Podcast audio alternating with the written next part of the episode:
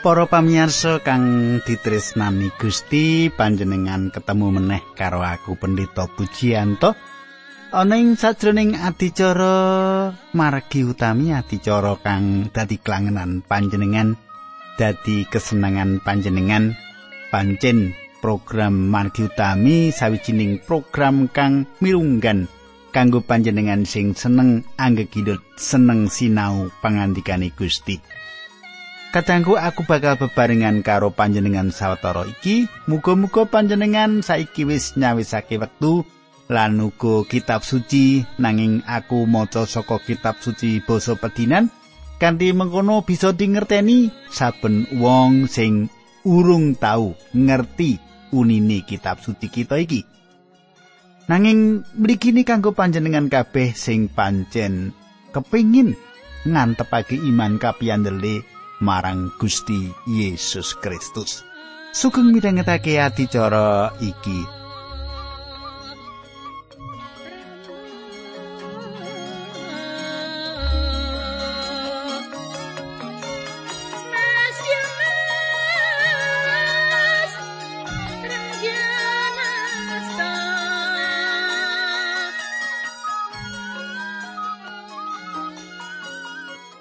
Sumitraku ing patemon kepungkur, nalika kita ketemu, kita wis nyemak kepiye. Momungsuane antarane wong-wong Farisi lan para ahli Taurat karo Gusti Yesus tambah panas. Momungsuane pasulayani antarane wong Farisi lan para ahli Taurat karo Gusti Yesus tambah panas.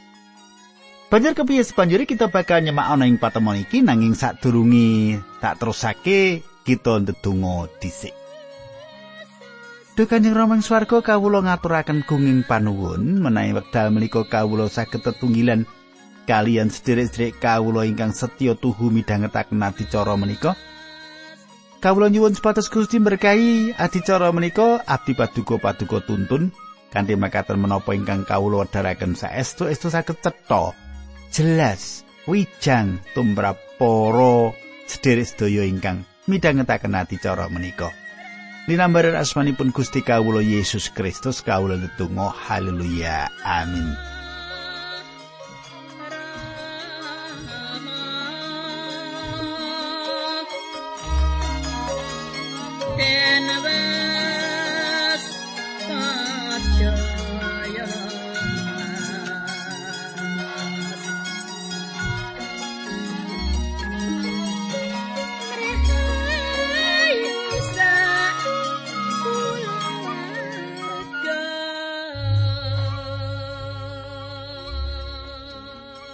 Sumitraku, ayo kita nerusake pasinaon kita kanthi nyemak Injil Markus. Injil Markus bab loro ayat 23 mengkini surasane. Iki teruse apa sing tak aturake panjenengan ing patemon kita kepungkur.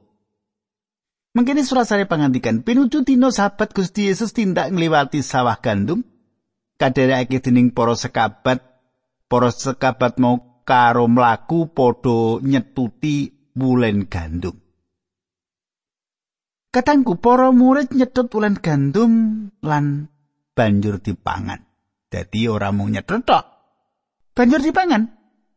Apa kang ditindakake para murid iku ditafsirake dening wong Farisi yen sing ditindakake para murid kuwi wis kaanggep panen, manen lan wis napeni wulen gandum mau.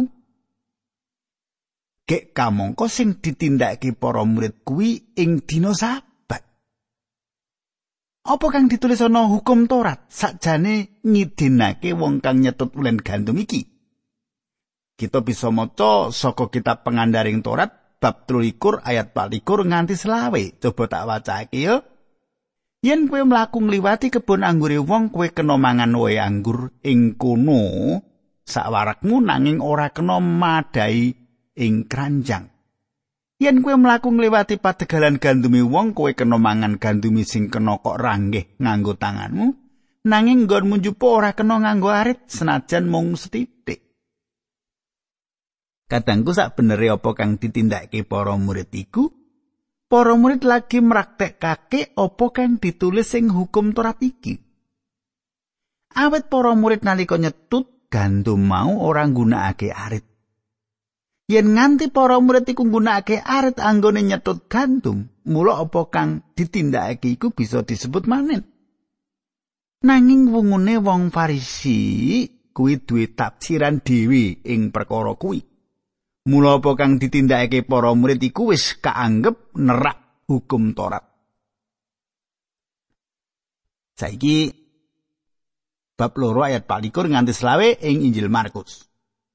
Wong-wong Farisi nuli padha matur marang Gusti Yesus panjenengan persani. Para sekabat panjenengan sami nerak pranataning agami kita, sami nindakaken perkawis ingkang dipun awisi ing dinten Sabat. Gusti Yesus ngendika, "Apa kowe durung tau maca bab apa sing ditindakake dening Senopati Daud nalika panjenengani lan para perjute padha keluwen mongko ra duwe apa-apa sing kena dipangan?" Sumitraku ana ing pangandikan iku Gusti Yesus ngelingake apa kang dumadi ing uripe Daud yaiku ratune wong-wong mau. Gusti Yesus mratelake sawijining lelakon apa kang ditindakake Daud ing jaman semono. Apa kang ditindakake Daud iku cetha yen nerak paugerane Musa nanging malah apa kang ditindakake Daud iku dibenerake. Panjenan semak ing aturan kang kaamot ing hukum Taurat iku ora kudu dipeksakake dilakoni. Nalika keluwen iku disandang dening abdi Gusti kang nuju budidaya ngladosi panjenengani. Gusti Yesus nggunakake apa kang ditindakake Daud iku minangka conto. Saiki ayat 6 nganti 8 Senopati Daud banjur mlebu ing pedalamane Allah lan dahar roti cecaosan sing mesine mung kena dipangan dening para imam tok nalika semono sing dadi memagung Abiatar. Roti cetaosan mau didahar, malah para prajurite uga diparingi. Gusti Yesus mbacotake pangandikane dina sabat kuwi gunane kanggo menungso, ora kok menungso kanggo dina sabat. Mula putraning manungsa kuwi uga kuwasa ing ngatasé dina sabat. Katanggu. Sawijining prinsip kang utama yen Gusti Yesus kuwi gustine dina sabat.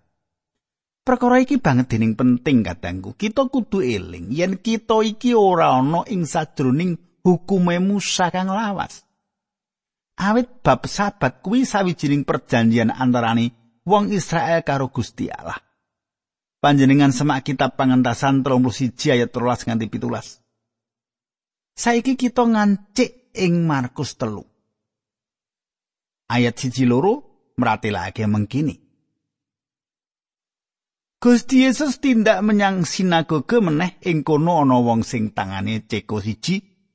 Lan ing kono uga ana wong-wong sing arep goleki salahe Gusti Yesus supaya bisa nggugat marang panjenengani. Mulane wong-wong mau tansah padha ngawasake apa panjenengani arep marasake wong ing dina sabat. Kadangku kang dadi pitakonan ing kene yaiku apa wong kang ceko kuwi pancen diselehake ing kono kanggo ngono Gusti Yesus. Aku yakin 100% yen pancen mengkono kuwi kanggo ngolo Gusti Yesus. Wong ceko mau mong kanggo ngolo. Kanggo ngolo kanggo njiret kanggo njebak Gusti Yesus.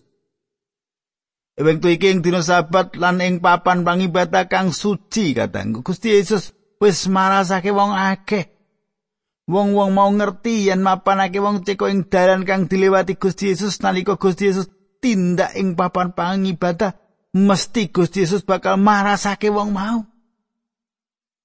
Wong-wong mau arep ngolo Gusti Yesus. Jiret Gusti Yesus. Wong-wong mau ngerti yen Gusti Yesus iku kebak walasase.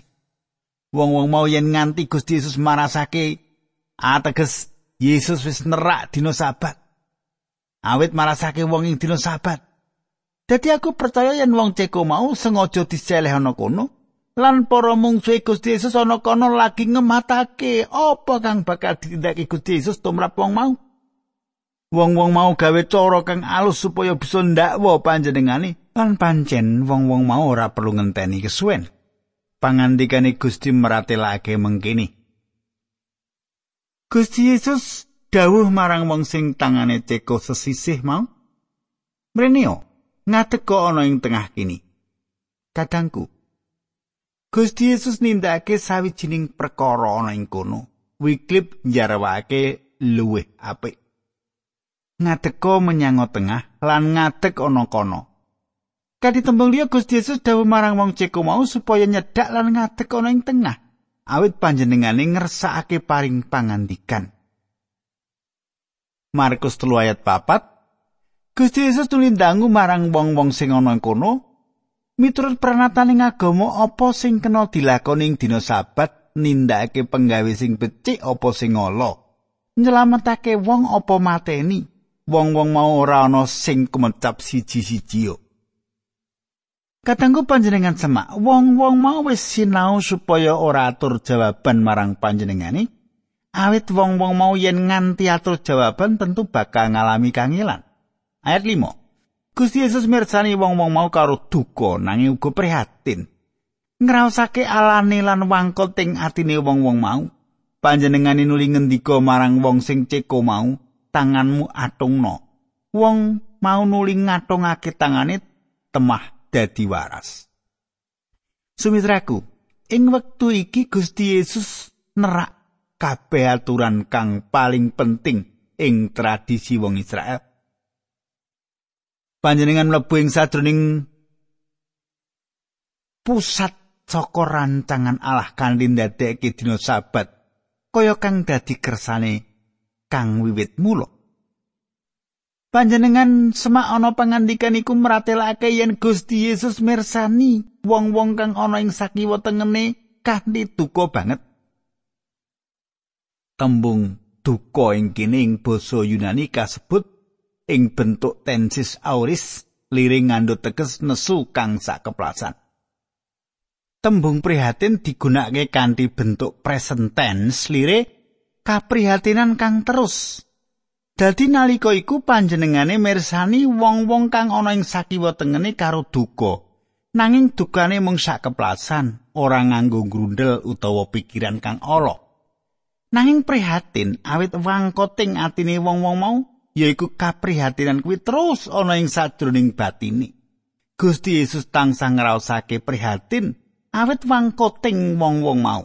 Kadangku, Gusti Yesus marasake wong iku Dina iku ya iku dina sabat, nanging awit dina sabat digawe kanggo manungsa lan awit panjenengane Gustine dina sabat, mula Gusti Yesus marasake wong iku ing dina sabat. Ayat 6. Wong-wong Farisi nuli padha metu saka sinagoga lan enggal-enggal padha rembugan karo wong-wong saka golongan Herodes. Wong-wong mau padha ngrancang bab patrape nggone arep nyedani Gusti Yesus. Sumitraku panjenengan gatekake lelakon loro mau dumadi ing dina sabat. Wong-wong Farisi mau tansah ngawat-awati Gusti Yesus. Ora ngecolake lan iki wiwitane sawijining rancangan lan komplotan kanggo nyedani panjenengani. Ayat pitulan wolu. Gusti Yesus lan para sekabate padha nyingkir menyang tlaga Galilea. akeh banget wong saka tanah Galilea sing padha nderekake Gusti Yesus. Ewa semono uga akeh wong sing tekani saka tanah sabrange kali Yaden lan saka sakubengi kutha-kutha Tirus lan Sidon. Wong-wong mau padha krungu warta bab pakaryane Gusti Yesus, mula kabeh nuli padha gumrutuk marani panjenengani. Kadangku panjenengan gatekake yen akeh wong kang asale saka ngendi-endi daerah padha nderekake panjenengani. Gusti Yesus mbudidaya nyingkiri wong-wong mau awit kaya pangandikane ing Yohanes loro ayat papat durun wektune. Durung wektune. Yen panjenengan nyemak panggonan-panggonan iki lan goleki ing gambar bakal ngerti yen para murid wis tekaning kabeh panggonan mau. Saka papan-papan iki wong-wong padha teka kepingin ngrungokake khotbah Gusti Yesus Kristus. Saiki Gusti Yesus ana ing tengahing bebaya kang seji. Ing wektu iki ora saka para pemimpin agama, awit para pemimpin agama padha wedi karo wong akeh. Panjenengane ana ing tengahing bebaya awit dikupengi wong akeh. Coba panjenengan gatekake apa kang ditindakake Gusti Yesus. Bab telu ayat 9 lan 10 ing Injil Markus. Saking akeh wong Gusti Yesus banjur ndawi para sekabate nyawisake prau. Kagem lenggah panjenengane supaya aja diesuk-esuk dening wong akeh mau. Sarene Gusti Yesus wis marasake wong sapirang-pirang mulane saben wong sing duwe lara terus padha ngesuk marga kepengin demek panjenengane supaya dadi waras. Kadangku panjenengan semak. Wong akeh ora mung malangi Gusti Yesus nanging sejatine malah mbebayani kanggo panjenengani. Sepanjure pangandikane Gusti mratelake ayat 11 lan 12. Lan wong-wong sing padha kepanjingan demit yen padha weruh Gusti Yesus nuli padha jengkeng ngarsane sarta padha bengok. Panjenengan menika putrane Allah. Nanging Gusti Yesus menging para demit mau ngandhakake marang wong-wong bab panjenengane kuwi sejatine sapa. Katanggu, kanthi pangandikan niku kita nyemak yen roh-roh ala kuwi ngakoni sapa sejatine panjenengan kuwi. Setan-setan mau ngakoni sapa Gusti Yesus sabenere. Nanging panjenengane ora ngersake setan-setan mau ngaturake paseksen bab panjenengane. Saiki kita wiwit ngerti rancangan Allah kang Maha Kuwasa ing sadroning milih lan neguhake rolas rasul mau. Saiki ayat 13. Sawise kuwi Gusti Yesus nuli minggah ing gunung karo wong sawetara sing dikersake nderek, wong-wong mau banjur padha sowan. Kadangku ing kene Gusti Yesus nindakake pilihan piyambak. Yohanes 15:16 dudu kowe sing milih aku. Nanging aku sing milih kowe lan ndadekake utusan supaya kowe metake wakeh kaya wit anggur mau sing welestari ing selawasi. Ramaku bakal maringi apa wae sing kok suwun atas jenengku. Katangku nyemak pangandikan iki sawijining perkara kang pantes diajeni. Awit panjenengane kang milih wong-wong mau lan dudu wong-wong mau kang milih panjenengane. Panjenengane duwe tanggung jawab atas wong-wong mau. Apa kang ditindakake Gusti Yesus iki sawijining panglipuran kanggo kita? Gusti Allah wis paring kawilujengan marang panjenengan miwiti sawijining pakaryan kang apik ing sajroning panjenengan lan panjenengane tansah nganti panjenengan panjenengan terus mirsani panjenengan yaiku kersane kang sak beneri ayat 14 15 saka wong-wong mau Gusti Yesus milih wong rolas sing disebut rasul. Pangandikane Gusti Yesus marang wong rolas mau mengkene kowe wis ndak pilih supaya melu aku? Aku uga bakal ngutus kowe martakake injiling Allah. Kowe bakal keparingan panguwasa nundungi demit-demit. Kadangku, apa kang dingendikake Gusti Yesus iki sawijining timbalan kang pungkasan marang para rasul. Yo ana papan iku wong-wong mau dadi rasul lan yo ing kene uga wong-wong mau wiwit diutus ing sajroning peladosan kang pisah kanggo panjenengani. Para murid uga dipisahake saka Gusti Yesus ing kene Gusti Yesus ora bebarengan karo para murid. Ing ayat 16 nganti 19 jenengi para rasul mau dicatet. Wong-wong mau yaiku Simon Petrus. Dheweke wong kang kawitan ing daftar para rasul, nomor loro Yakobus anake Zebedius, nomor telu Yohanes sedulure Yakobus, nomor papat Andreas sedulure Simon. Biasane jenenge didaftarake karo sedulure. limo Filipus, 6 Bartolomeus, uga diteluk Nathanael, pitu Matius, wolu Thomas, songo Yakobus kang luwih cilik anake Alpius, sepuluh Tadius kang biasa disebut Judas, sebelas Simon wong Silot, lan rolas Yudas Iskariot. Ayat 30 lan selikur tak waca iki ya. Gusti Yesus nuli kondur nanging wong akeh padha teka meneh. Nganti Gusti Yesus lan para sekabate ora kok berdahar. bareng para sedulure Gusti Yesus padha krungu bab kuwi mau banjur padha marani arep njupuk panjenengane awit wong-wong ngarani yen Gusti Yesus wis ora waras kadangku menawa ana wong kang ngendikake uripe kanggo sawijining perkara kang agung lan kanthi nganggo cara kadonyan wong iku bakal antuk sambutan saka masyarakat. Pemusik upamani atlet upamani pengusaha upamani artis upamani lan negarawan upamani wong-wong mau ngabdekake dirine ing bidangi mula wong-wong mau dikenal awit pengabdian kang wutuh mau.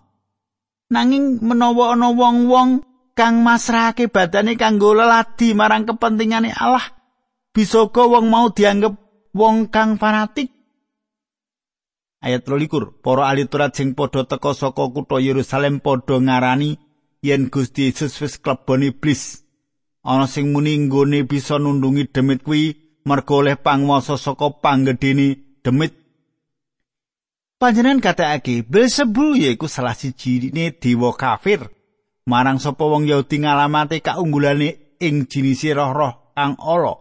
Ayat 23 Pak likur selawi. Gusti Yesus nuli nimbali wong akeh mau sarta maringi pasemon sawetara pangandikane. Rak moka to yen iblis nundung iblis menawa ing sajroning negara ana pasulayan lan para wargane padha memungsuhan siji lan sijine negara kuwi bakal ambruk. Mengkono uga menawa ing sajroning brayat ora ana kerukunan lan wargane padha memungsuhan siji karo sijine, brayat mau mesti bakal bubrah. Mengkono uga menawa ing kratone iblis ana pemberontakan lan memungsuhan, kraton mau mesti ora bisa lestari lan bakal sirna. Rak ora ana wong sing bisa mlebu ing omahe wong sing luwih rasa lan jarah rayah barang darbe wong mau. Bisane mung yen duwe omah mau dibondo. Dhisik sawise kuwi lagi barang darbe kena dirampok.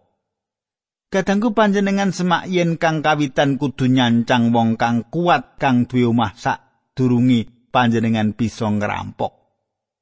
Ya iku kayektene ing kene, Gusti Yesus ora nindakake perkara iki kanthi panguwasa si iblis, awit menawa mengkono mula kerajaan iblis bakal pecah lan padha perangan. Ayat 22 nganti 30. Elingo sakai dosane manungsa lan sakai tembung ala sing ducapake dening wong bisa oleh pangapura. Nanging sapa sing nyamah roh suci kuwi ora bakal oleh pangapura awet dosa kuwi dosa langgeng. Ayat 30. Gusti Yesus ngendika mengkono mau marga ana wong sing kandha yen panjenengane kuwi kadunungan roh reget. Kadangku, menawa mengkono wong kang nyamah sang roh suci kuwi sawijining dosa kang ora bisa diapura. Miwiti dosa kuwi wong-wong mau manggih Gusti pribadi kang kapindho saka kealahan. ana ing tengahe wong-wong mau malah wong-wong mau ndakwa panjenengane ngusir setan kanthi panguasane Beelzebul. Kamangka panjenengane nindakake kanthi panguasane Sang Roh Suci. Dadi sebenarnya wong-wong mau lagi nompik pakarane pribadi loro saka kealahan, pasaksi saka putra lan pasaksi saka Sang Roh Suci. Wong-wong mau ngetokake anggone ora percaya iku sawijining patrap nampik salawase marang Sang Kristus. Wong-wong mau nampik Sang Roh Suci lan patra pengkono iku dosa, dosa kang ora bisa diapura.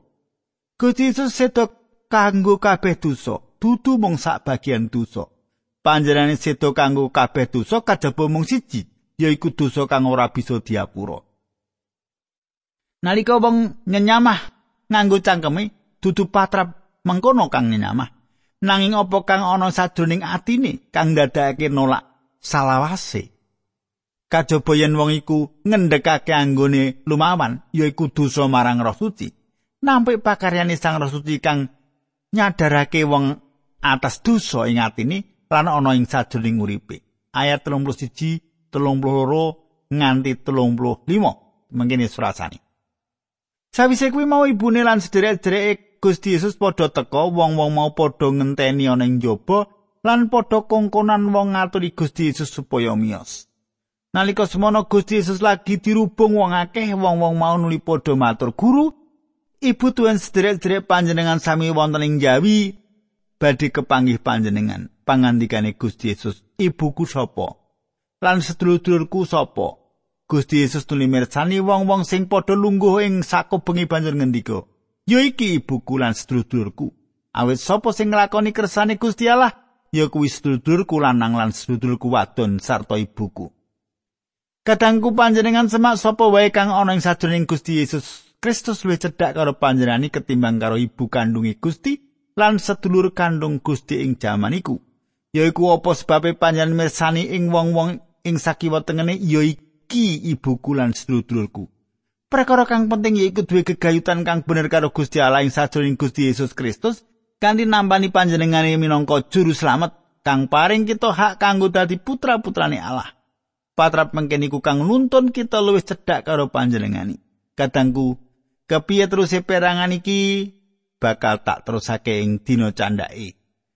Sadurunge tak pungkasi ayo kita ndedonga dhisik. Duh Gusti Allah kawula matur nuwun menawi wedal menika kawula saged tetunggilan kawula saged sesanengan kawula saged ngedum berkahipun Gusti lumantar pangandikan paduka. Dinambaran asmanipun Gusti Yesus Kristus kawula tunggu. Haleluya. Amin.